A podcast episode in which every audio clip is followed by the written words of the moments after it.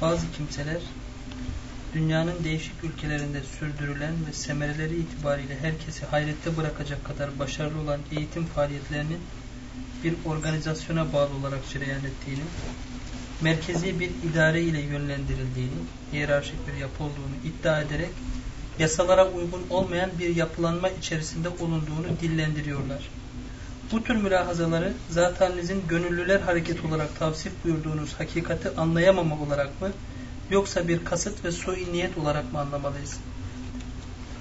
Daha önce de belli vesileleri değerlendirerek kenarından köşesinden arz etmeye çalıştım. Gönüllüler hareketinin bu türlü yanlış anlamalara takılmaması adına yanlış yorumlanmaması, değişik entelijen servislerine yanlış bilgilerin akmaması adına aklıma geldiğince, dilimin döndüğünce bazı şeyler söylemeye çalıştım. Gerçekten de gönüllüler hareketi, adanmışlar hareketi, öyle bir yönüyle ne bir cemiyet üye kaydetmek suretiyle, o üyeleri motive etmek suretiyle bu başarıya ulaşılabilir ne de meseleyi bir tarikat şeklinde ele almakla ortada öyle bir tarikat yok. Bu mesele uzmanlara da götürüldü. İstidrada arz ediyorum. Ne bu hareket ne de şöyle böyle bu hareketi ilham kaynağı olan zatların yani sizin ilham kaynaklarınız, size bu mevzuda ışık tutan, yol gösteren, zaman imanı kurtarma zamanıdır diyen ve bu mevzuda yapmanız gerekli olan şeyleri ortaya koyan, düsturlarını da ortaya koyan, ve duruşuyla, kararlılığıyla nasıl durulması gerektiğini de aynı zamanda belirleyen ve temsilde asla sizi şaşırtmayacak, yanıltmayacak bir tavır sergileyen insan açısından meseleye bakılınca belki böyle tasavvufa benzer yanlar olabilir. Belki bir tarikat içindeki bir saygı olabilir. Yol demek bu. Ama onların anladığı manada öyle bir organizasyon, öyle bir sistem yok çok ciddi fedakarlıklara katlanılıyor. Beklentisiz hareket ediliyor. Kimsenin dünya adına bir beklentisi yok. Hatta ukba adına da bir beklentisi yok. Dahası beklentiye giren insanlar bir yönüyle adeta hizmeti imaniye ve Kur'aniye vefasızlık yapmış gibi algılanıyorlar. Yani birisi kalksa da bir yerde şöyle kendi kendine, kendi hissiyatıyla, kendi hevesiyle, kendi arzusuyla bir şey olmak istese, Hatta siz ondan hayırlı bir kısım hizmetler bile bekleseniz bu dünyaya meylü muhabbet sayılarak ona karşı belli tavır alınır. İnsan ihlaslı olmalı, samimi olmalı, dünyevi, uhrevi hiçbir beklentiye girmemeli. İnsan hiç verecekli olmamalı birine. Birinden bir şey alırsanız bir yönüyle belki ona ömür boyu diyet ödeme mecburiyetinde kalırsınız. Öyle hasbi yürümeli ki bu mevzuda herkesten alacaklı olasınız yani. Ahirete de öyle gidersiniz ve civan mertliğinizin büyüklüğünü en büyük olanını da orada sergileyesiniz. Yani dünya kadar medyum karşınıza çıkacak. Diyeceksiniz ki ya Rabbi sen de şahit ol. Biz bunların hepsinden alacağımız şeyleri başladım gitti diyeceksiniz. Şimdi nasıl yaşıyorsanız öyle ölürsünüz. Nasıl ölürseniz öyle dirilirsiniz. Hayatınızı bu mülahazaya göre programlamışsanız şayet zaruri ve haci ölçüde usulü fıkıh terminolojisiyle ele alacak olursak ihtiyaçların dışındaki onlar da hayatı dengeli tutma ve dengeli götürme adına lüzumlu şeylerdir. Yani eviniz olur, çoluk çocuğunuz olur, eşiniz olur, dert taatisi olur, paylaşma olur arada. Bu da yine bir yönüyle kendinizi dengeli tutma, dengeli ayakta durabilme adına Orada da niyetinizi tam tutacaksınız. Ben bunları hep hizmetin için yapıyorum. Ve hizmetim için bir kısım böyle fedakarlar olsun dünyaya gelsin. Benim neslimden de bir kısım fedakarlar olsun. Dolayısıyla bunlar bir yönüyle belki bu hizmetin devam ve temadisi adına bir kısım istekler olabilir. Haci ölçüde belki bazen günahlara girme meselesi söz konusu olursa zaruret ölçüsünde bunlar hayatı dengeli tutma adına, hayatı sağdan soldan payandalayan şeylerdir. Ama bunların hiçbirisi gaye değildir yani. Bunlar talim eserlerdir. Gayeye gelince o Allah rızasıdır. Allah rızasının orta direği de ilahi kelimetullah'tır. o meseleyi gerçekleştirme mevzuunda yanıltmayan vesile, tabiri diğerle gayi ölçüsünde vesile ilahi kelimetullah'tır. Gezip tozduğunuz her yerde onun dellalı olacaksınız. Öyle bir dellallığı dünyada en büyük paye sayacaksınız. Şimdi bu kadar vefa, bu kadar sadakat, bu kadar böyle yürekten adanmışlık isteyen bir mevzu. Ne böyle resmi ve suri işte isimlerini bir deftere kaydedip cemiyet, organlar filan, hiyerarşi hiç anlamam böyle şeylerde. Ne onlarla bu kocaman iş götürülebilir ne de böyle bir zata intisap etmekle, o intisabın gücüyle götürülebilir. Burada fevkaladeden sahabiye yakın, belki sahabi ölçüsünde peygamberane bir azim isteyecek şekilde bir adanmışlık meselesi iktiza eder. Bir yani meselenin esası bu. Burada bir kere onların bu meselenin arkasında şu mülahaza vardır, bu mülahaza vardır. O mülahazayı tasfiye adına bunu bir kere de ortaya koymak lazım. Mümkün değil başka şeyle yapılması. Maaş almadan çalışacak insanlar, yurdunu yuvasını terk edecek insanlar, evinde duaklı gelini terk edip gidecek insanlar, anasını ağlayarak bırakıp giden insanlar ve bazen de vefat edip dönen anasını ağlatan insanlar umum tabloyu birden göz önüne getirdiğiniz zaman da böyle cidden lillahi kelimetullah'a adanmamışsa bir insanın bunu yapması, kendi kültürünü dünyaya duyurmaya adanmış değilse şayet bunları yapması mümkün değildir. Meselenin bir yanı budur. Bir de nedire cevap meselesi var. Nedir, ne değildir yani. Bu ne cemiyettir, vallahi billahi değildir yani. Ne siyasi ne de gayri siyasi. Yok çünkü onların kendilerine göre kuralları vardır, şusu vardır, busu vardır. Ben o mevzuda takdisimi ve takdirimi ifade etmenin yanı başında bizim mübarek bir geleneğimizdir. Ne de tarikattır, ne de tasavvuftur. Ama onların hepsine de milletçe saygımız vardır. Topyekun bir milletin geçmişinde önemli bir yeri olan bir meseleye karşı saygısızlık, millet ruhuna, tarih şuuruna karşı saygısızlıktır. Bunları açık, rahatlıkla ifade edebiliriz. Çünkü bazı kanallarına bugün çok rahatlıkla müsaade ediliyor ve bütün aktivitelerini, icraları onların rahatlıkla yapılabiliyor. Evet, bu hareket sadece belli bir anlayış, belli bir mantık, belli şeylere inanmanın bir araya getirdiği insanlar. Gayri ihtiyari. Yani bir yerde bir insan bakıyorsunuz muhalif. Ben mesela yapılan bu şeyleri çok gereksiz, yerinde değil, belki bazı şeyleri baltalama gibi görüyordum.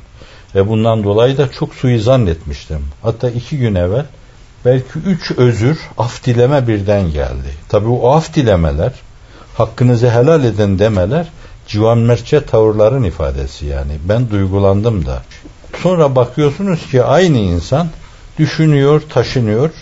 Allah bir, peygamber bir, kitap bir, Bizler aynı kültür ortamının çocuklarıyız. Yüksek uçma duygusu, tutkusu, aleme bir şey verme duygusu, tutkusu, ihkaka hak etme duygusu, tutkusu ve aynı zamanda adaletle hükmetme, onu hakkıyla temsil etme duygusu, tutkusu damarlarınızda var. E Allah'a iman önemli bir faslı müşterek. Peygambere iman önemli bir faslı müşterek. Ve günümüzde bu meseleleri gerçekleştirmenin yolu eğitimden geçiyorsa Kanaat acizanemce bunların hepsi eğitimden geçer. Yani fakirlikten sıyrılma da bir yönüyle eğitimden geçer. İttifak ve itaat da ondan geçer. Şimdi bunu insanlar makul buluyorlar. Dolayısıyla bu harekette bir araya gelen insanlar ayrı ayrı girizgahlardan ayrılıyorlar. Bir şey yapmak, bir hayır yapmak için yürüyorlar. Bir şeye ulaşmak için yürüyorlar. Hiç farkına varmadan bir yerde birdenbire kendilerini bir kulvarda koşan insanların içinde buluyorlar. Bakıyorlar ki bunlar okul açıyorlar sağda solda. Açtıkları okullarda ne yapıyorlar? Türk dilini dünya dili haline getirmeye çalışıyorlar. Ne yapıyorlar? Günümüzün fünunu müsbetesini dünyanın her yanındaki insanlara vermeye çalışıyorlar. Ne yapıyorlar bunlar? Hal diliyle, tavırlarıyla, davranışlarıyla. Yani kalplerindeki müzmeratlarını nakış nakış tavırlarıyla işlemek suretiyle kendilerini ifade etmeye çalışıyorlar. Şimdi bu herkese makul geliyor. Üç tane İlk diyelim Türk çılgını dediler yani. Çılgını çıkmış bu mevzuda. Bir düşünce atmış ortaya. Öbürü görüyor bakıyor ya makul diyor hakikaten bence yapılacak şey buymuş. Yani şimdiye kadar biz beyhude sağda solda koşmuşuz. Bakıyor ki günümüzde bir şey yapılması lazım mutlaka. Niçin bir şey yapılması lazım? Allah rızasına insanları ulaştırmak için. Ne için bir şey yapılması lazım? Allah'ın namı celilinin dört bir yanda şefaatması için. Tavır ve davranışlar bunu ifade etsin. Ne için bir şey yapmak lazım? Kendimizi ifade etme fırsatı bulamadık. Biz. Çünkü alem bize hep yukarıdan baktı. Fakir bir millet haline gelmiştik. Devletler muvazenesinde yerimizden çok uzaklaştırılmıştık. El alem bize bakarken Avrupalı kapısına gitmiş işçi nazarıyla bakıyordu. Başka yerlerde onların üniversitelerinde ilim dilenen insanlar nazarıyla bakıyordu. 92'de buraya geldiğimiz zaman burada şahidim de var benim. Dediler ki bazı üniversitelerde hocalar kendilerini Türk diye belli etmiyorlar. Türklükten utanıyorlar. İşte bu bir ar gelir bana. Çok onuruma dokunur benim. Kendimizi yeniden anlatmamız lazım. Bak bunlar hep anlatılması gerekli olan şeyler. Şimdi siz bu duyguları ister cami kürsüsünden ister bir konferans salonundan ifade edersiniz. Zannediyorum bu meseleye çok taraftar bulursunuz. Fikren sizi her konuda tasvip etmeyebilirler bu insanlar. Ama bu meselenin makuliyetinde sizinle beraber olurlar. Hatta bazıları uzaktan duyarlar.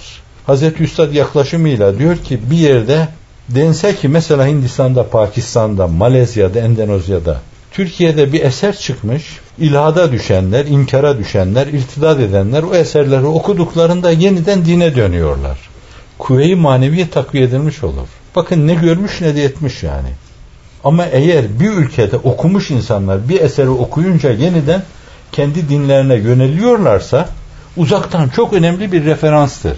Bazı kimseler vardır ki tavırları ve davranışlarıyla, duruşlarıyla bunlar hiçbir şey söylemeseler onların cephelerinde bulunmayı siz isabetli bir cephede bulunuyor olarak kabul edersiniz. İnanırlar yani o insana. Hiçbir şey söylemesine lüzum yok yani. Senin imanı takviye etme mevzunda bir Bediüzzaman, bir Alvar İmamı, bir Vehbi Efendi bazen yetebilir. Dersin ki bu kadar ona yakın duran bir insanın yanılması mümkün değildir. Dersin yani. Ve büyük ölçüde bizler için onlar çok önemli delillerdir. Aynen bunun gibi aklı başında insanlar bir yolda koşturuyorlar, bir kulvarda koşturuyorlar, bir yere doğru, bir yerde ipi göğüslemeye doğru koşturuyorlar. Başka yerlerden çıkanlar da aynı mülazayla çıkıyor. Ya güzel bir şey diyorlar ve dolayısıyla yolun bir yerinde bir arada bulunuyorlar orada. Beraber oluyorlar. E elbette ki böyle aynı işleri, aynı faaliyetleri paylaşan insanlar zamanla günümüzde böyle küreselleşen dünya, telekomünikasyonun gelişmesi, e-mailleşeceklerdir bu insanlar. Birbirleriyle görüşeceklerdir. Yani burada şimdi Amerika'ya Türkler gelmişlerse burada, birileri bir yerde bir kültür lokali açıyorsa, birileri bir yerde bir okul açıyorsa, Amerika'daki başka Türkler ya biz de böyle bir şey yapalım, güzel aktiviteler bunlar.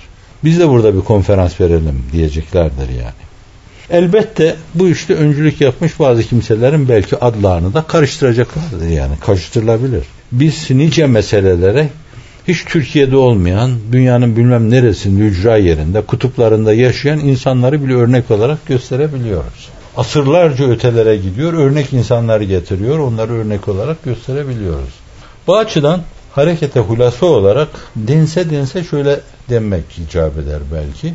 Yani duyguda, düşüncede, inançta, idealde, gayede, mefkurede aynı şeyleri paylaşan insanlar çok farklı yollardan yollara düşseler bile farklı girizgahlardan bir şey yapma işine koyulsalar bile fakat bir yerde aynı şeyi yapıyorlar. Okul açıyorlar, kültür lokali açıyorlar, lisan kursları açıyorlar ve millete lisan kurslarında kendilerinin hazırladıkları muhtevası kendi kültürleri lisan öğretiyorlar. Başkaları size lisan öğretirken, sizin milletinize lisan öğretirken kendi kültürleriyle, kendi kültürlerini işledikleri kitaplarla öğrettiler. Siz aynı şeyi yapıyorsunuz. İngilizce öğretseniz bile o kitapları siz hazırlamışsınız. Fransızca öğretseniz bile o kitapları siz hazırlamışsınız. Ve dünyanın çok önemli kültürlerinden değişik medeniyetler kurmuş bir milletin medeniyetinden kristaller onlara sunuyorsunuz bunların takdir görmemesi mümkün değil. O ayna programına sadece bakan insanlar bu meselenin nedenli önemli olduğunu görecek ve anlayacaktır orada. Her dinden insanlar bir araya geliyorlar. Hristiyanı, Yahudisi, siyahı, beyazı bir araya geliyorlar. İşin doğrusu hakikaten bu bizim bugüne kadar sağda solda arayıp da bulamadığımız bir ortammış yani. İşte bu ortamda böyle güven içinde, emniyet içinde rahat nefes alabiliyoruz, soluklanabiliyoruz. Umduğumuzu, başka yerde aradıklarımızı burada bulduk diyebiliyorlar. Çok rahatlıkla diyebiliyorlar. İşte o gün bir vazifelinin dediği gibi yani. Yani siz hiç bunlarla alakalı bir şey okudunuz mu? İşte dışta bir sürü şey yazılıyor. Ve hiç gidip bir okulu ziyaret ettiniz mi? Bir kültür lokalini ziyaret etme lüzumunu duydunuz mu? Bu sorulara cevap veremiyor ve apışıp kalıyor olduğu yerde. Kabullenme mecburiyetinde kalıyor. Yani aslında bugün size karşı tepki gösteren temerrüttür, taassuptur. Evet, işin doğrusu duygunun, düşüncenin, inanışın bir araya getirdiği insanların farklı farklı yollardan, cedvellerden gelse bile bir yerde bir Nil irmağına dönüşüyor. Dönüşüyor bu ama fakat başında ne bir hesap var ne de plan var. Ne proje var, ne bir cemiyet kaydı kuydu var, ne başkalarının iddia ettikleri gibi bir tarikata intisap meselesi söz konusu. Sadece aynı değerlere inanmış, evrensel değerler etrafında kümelenmiş insanların hareket birliği, faaliyet birliği. Bu hareket birliğini, faaliyet birliğini belirleyen şey düşünce birliği, felsefe birliği, iyilik yapma birliği, kendini ifade etme birliğidir. Elbette ki yani bu mülahazaya bağlı insanlar bu tür bir şey bilemezler yani bunu bilemezler mümkün değildir. Onu bence kendi kaynaklarında araştırmak lazım.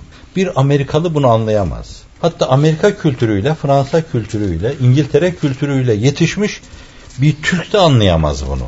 Çünkü bu bir yönüyle örnekleri ilk planda kendi peygamberinden o peygamberin etrafındaki sabikunu evvelündendir yani. Ve daha sonra da o günden günümüze kadar hep yenilenip duran, tekerrür edip duran tecdit hareketlerindendir. Yani bu hareketin felsefesini, bu hareketin hangi kalbe oturması lazım geldiğini araştırıyorlarsa bence o tecdit hareketleri içinde araştırmaları lazım. Ona ilave edecekleri şey şudur sadece. Zaman faktörü, konjöktür farklılığı. Yani Bediüzzaman ifadesiyle eskiden mesela taklidi inanıyordu insanlar. Böyle kutsi bir mahazden bir şey sadir olunca hemen insanlar ona inanıyorlardı. Güvenilir bir ağız bir şey söyleyince büyük bir zat diyelim işte Alvar İmamı, Piri Küfrevi, İmam Rabbani. İnanın Allah'ın birliğine deyince yetiyordu onlar için. Fakat dalalet küfür ve küfran fenden ve felsefeden geldiği için o zaman tabi şartlar şimdi başka şekilde mücadele etmeyi gerektiriyor. İşte böyle sadece bir şartlar, bir zaman, bir konjöktör farklılığı. Bu mülahazayı da işin içine katarak bence bu hareketin misalini araştırıyorlarsa, hangi kalıptan çıktığını araştırıyorlarsa, tecdit hareketlerini takip ederek Efendimiz'e gitmeleri lazım. Şimdi adam anlamıyor yani altın nesil demişsiniz siz bir dönemde konferans vermişsiniz satır satır ezberlemişler onu ve o size soruluyor bir suç gibi soruluyor. Yani ne Kambenalla gibi Thomas More gibi veyahut da işte Farabi gibi bir Medinetül Fazıla bir ütopya mı yani bu? Ütopik bir nesilden mi bahsediyorsunuz? Dünyanın kaderini değiştirecek, insanların yüzünü güldürecek altın nesil bu mu? Sizin hiçbirinizin aklından geçmez böyle bir şey. Oysa ki azıcık onu ana hatlarıyla böyle ciddi takip etseler görecekler ki her sokak başında sahabiden bir tanesi karşılarına çıkacak. Yani bir yerde haksızlığın tamamen bir taşkınlık halini aldığı, tamamen tuğyana büründüğü, hezeyana girdiği bir yerde işte o ütopik nesilden veya altın nesilden Hazreti Halit karşılarına çıkacaktır. İnsanlarda ruhi derinlik filan dendiği zaman da diyelim Ebu Zer karşılarına çıkacaktır. Ebu Katade karşılarına çıkacaktır. Bir denge insanı dendiği zaman Hazreti Ebu Bekir, Hazreti Ömer karşılarına çıkacaktır. Dolayısıyla bunların her birisi o güzelliğin değişik yanlarından bir tarafını temsil ediyordur. Siz altın nesil diye hep bunun üzerinde durmuş bunu işlemişsiniz. Fakat onlar meseleye yeni bir ütopya nazarıyla bakıyor ve tabii ne getirir, ne götürür, ne vaat ediyor bu ve bizi hangi yandan tehdit ediyor bu mesele? Ya insanlık bir gün bu bizim düşüncemizden ve anlayışımızdan vazgeçer. Öyle bir ütopyaya yönelirse ne olur bizim halimiz gibi bir paranoya yaşıyorlarsa işin doğrusu tabi bu mevzuda anlatmada biraz zorlanırız. O var. Ve ben değişik yerlerde de dinledim bunu. Yani çok bir şey oturtulamıyor. Ama belki bu mevzuda en ciddi çalışmalardan bir tanesi Nilüfer Göle Hanım'ın yaptırdığı çalışmalardır yani. Bu bir adanmışlar hareketidir. Kendini Allah'ın rızasını kazanmaya adamış ve sonra onu Allah'ın namı celilini iyi temsil etme ve iyi anlatma. Yani kalbinde duyduğu o derinlikleri tavır ve davranışlarına nakış nakış kendine mahsus şivesiyle aksettirme hareketidir bu. Ve bu öyle bir harekettir ki bizim canımızı 50 defa alsalar günde ondan dönmek mümkün değildir yani. Böyle kıtır kıtır kesseler ne Allah rızasından dönmeye ne de namı celili ilahi başkalarına gösterme, fiilen gösterme. Kimsenin mektepte okuttuğu müfredat programında bu meseleyi anlatan şeyler yok, satırlar yok. Ama siz davranışlarınızda bir incelik sergiliyorsunuz. E bu incelik benim tabiatımın dışa vuruşuysa şayet onu değiştiremem ben. Aktörlük yapmış olurum o zaman. Fakat ben kimsenin vicdanına baskı yapmıyorum. Bazı şeyleri kabaca dayatmıyorum. Kendi düşünce sisteminden vazgeç, buraya gel falan demiyorum. Senin de bana bir şey demeye hakkın yok. Fakat paranoya yaşayan insanların mutlaka her zaman endişeleri olacaktır. Dünyada yaşanıyor bu. Nispet farklılığıyla. Yani isim tasfiye etmeyeceğim. Ben falan ülkede, falan ülkede, falan ülkede yüzde 95 paranoya yaşanıyor. Bazı yerlerde yüzde 93 yaşanıyor. Bazı yerlerde 92, bazı yerlerde 91. Böyle 80'lere düşen yer çok az. Her yerde paranoya yaşanıyor. Korku, vehim, böyle en küçük şeyden endişe duyma, hayatı kendileri için elin bir azaba çevirme. Bu ön yargıdan vazgeçme çok zordur yani. Şartlanmış dimalar, onlara atmaları bir tarafane bir muhakeme ile meseleye yaklaşmaları oldukça zordur. Böyle müşrikler de vardı. Bu mülaza ile bakıyorlardı. Bazıları bazı şeylerin ellerinden gideceği endişesini taşıyorlardı. Beni Ümeyye öyleydi yani saltanatları vardı. Onların Utbe'nin, Şeybe'nin, Velid İbni Utbe'nin bu türlü sevdaları vardı. Ebu Cehil de böyle bir mülaza arkasından koşuyordu. Bu mülazalar gözlerini kör etmişti onların. Bazılarında da ciddi temerrüt vardı yani. Esas inkar vardı. Efendimiz sallallahu aleyhi ve sellem hazmedemiyorlardı. E, günümüzde de belki böyle tıp atıp uymuyor diyebilirsiniz de. Fakat şu var. Siz senelerden beri dünyanın değişik yerlerinde ve öyle coğrafyalarda eğitim faaliyetlerine giriştiniz, teşebbüs ettiniz ki bu ülkelerde kuşku en önemli unsurdu. Herkesten kuşkulanacaksın. Şöyle elbiseleri içinde sana insan gibi gelen bir insan hakikaten insan gibi yürüyor, robot değil. Fakat mülaza dairesini açık bırakacaksın arkadaş. Belki insan kılığına girmiş başka bir şeydir. Entelijans servisleri böyleydi, böyle bakıyorlardı. Şimdi bu ülkelerde siz zannediyor musunuz 12-13 senedir siz eğitim faaliyetlerinde bulunuyorsunuz. Sizin üzerinizde mercek yok.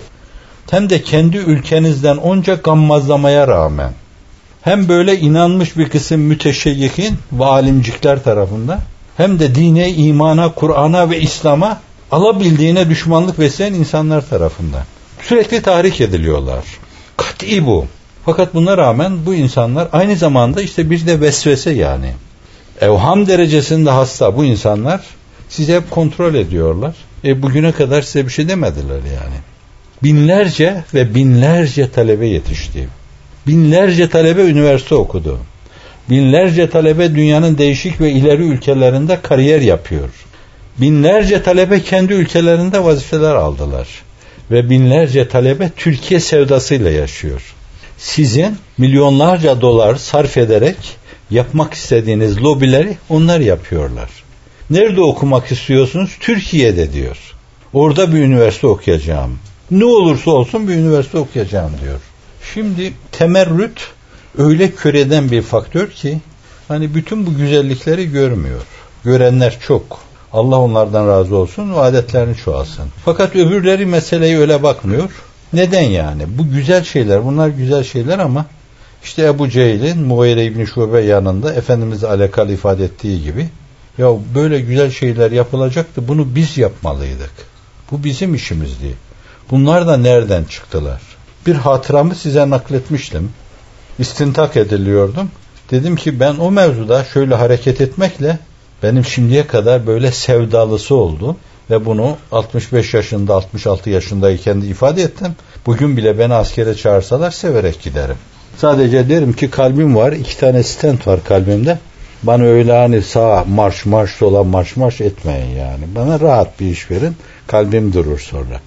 Bunun dışında ben yine kışlada yatarım orada o koğuşta. Altlı üstü ranzalarda yatarım. Yine o askerliği yaparım. Yine telsiz cihazın başına otururum. Yine manipüleme dokunurum. Yine muhabere yaparım. Dedim yani bunlar açıktan açık sevdalısıyım. Ona dedim ki o müstentika. Dedim ki ben orada askerin itibarını koruma mecburiyetindeydim dedim. Yanlış bir iş yapıyor hissini uyarmamak için öyle davrandım ben. Bana baktı baktı böyle. Sanki ona bile hakkımız yokmuş. Askerin itibarını korumak sana mı düştü dedi. Şimdi ben bu tavrı, bu davranışı ve bu taaddiyi ifade etmek için kelime bulamıyorum. Bazı kelimelere de belki nezaketin müsaade etmiyor yani. Buna siz kendi kendinize baş başa kaldığınız zaman küstahlık diyebilirsiniz. Hezeyan diyebilirsiniz. Ne derseniz deyin. Hiçbir esasen o tavrı ifade etmez. Şimdi bir zümre var ki Türkiye'de dünyanın siz bilmem kaç yerinde okul açacaksınız. Neredeyse sayısı onun bine ulaşacak. Bunun dışında kültür lokalleri açacaksınız. Sempati kazanacaksınız. Herkes çocuğunu hisse vermek için yarışa girecek. Kuyruk olacaklar. Allah Allah bu büyük iş yani. Bunu böyle bu bir kısım ilahiyatçılar, imamlar, müezzinler bunlara yapmak düşmezdi yani. Bu olacaktıysa biz yapmalıydık. E gidin yapın bunu ama fakat maaş almadan siz yapamazsınız ki. Bir amele gibi, işçi gibi çalışa çalışa okul tamir etmek suretiyle siz bu işi götüremezsiniz ki. Her sene okulun restorasyonunu siz yapamazsınız ki. Bunlar ciddi fedakarlıklar isteyen meselelerdir. Hasbilik isteyen meseledir. Başkaları için yaşama ruhuyla serfiraz olma meselesidir. Buyurun yapın. Yapmak isteyenler oldu. Ona kalkıştılar. Fakat götüremediler sonuna kadar. Batırdılar her yerde. Bir kesimde var ki böyle hayır onlar yapmamalıydı bunu. Bu iş ne din işi ne de dindar işi. Bu işin içinde din de olmamalı, dindarlık da olmamalı gibi bir acayip böyle taassup, o taassupla hareket ediyorlar.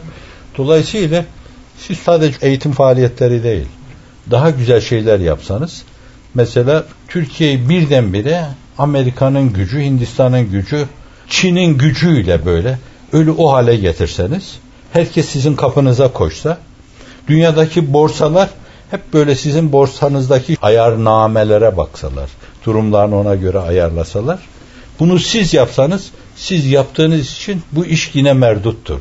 Onların ahirete inançları yoktur.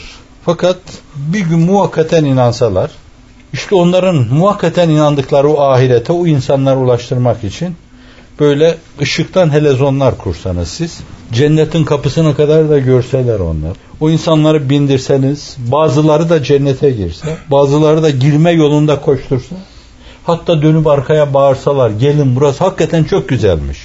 Fakat onu siz yaptığınız için o iş yine melun addedilecektir.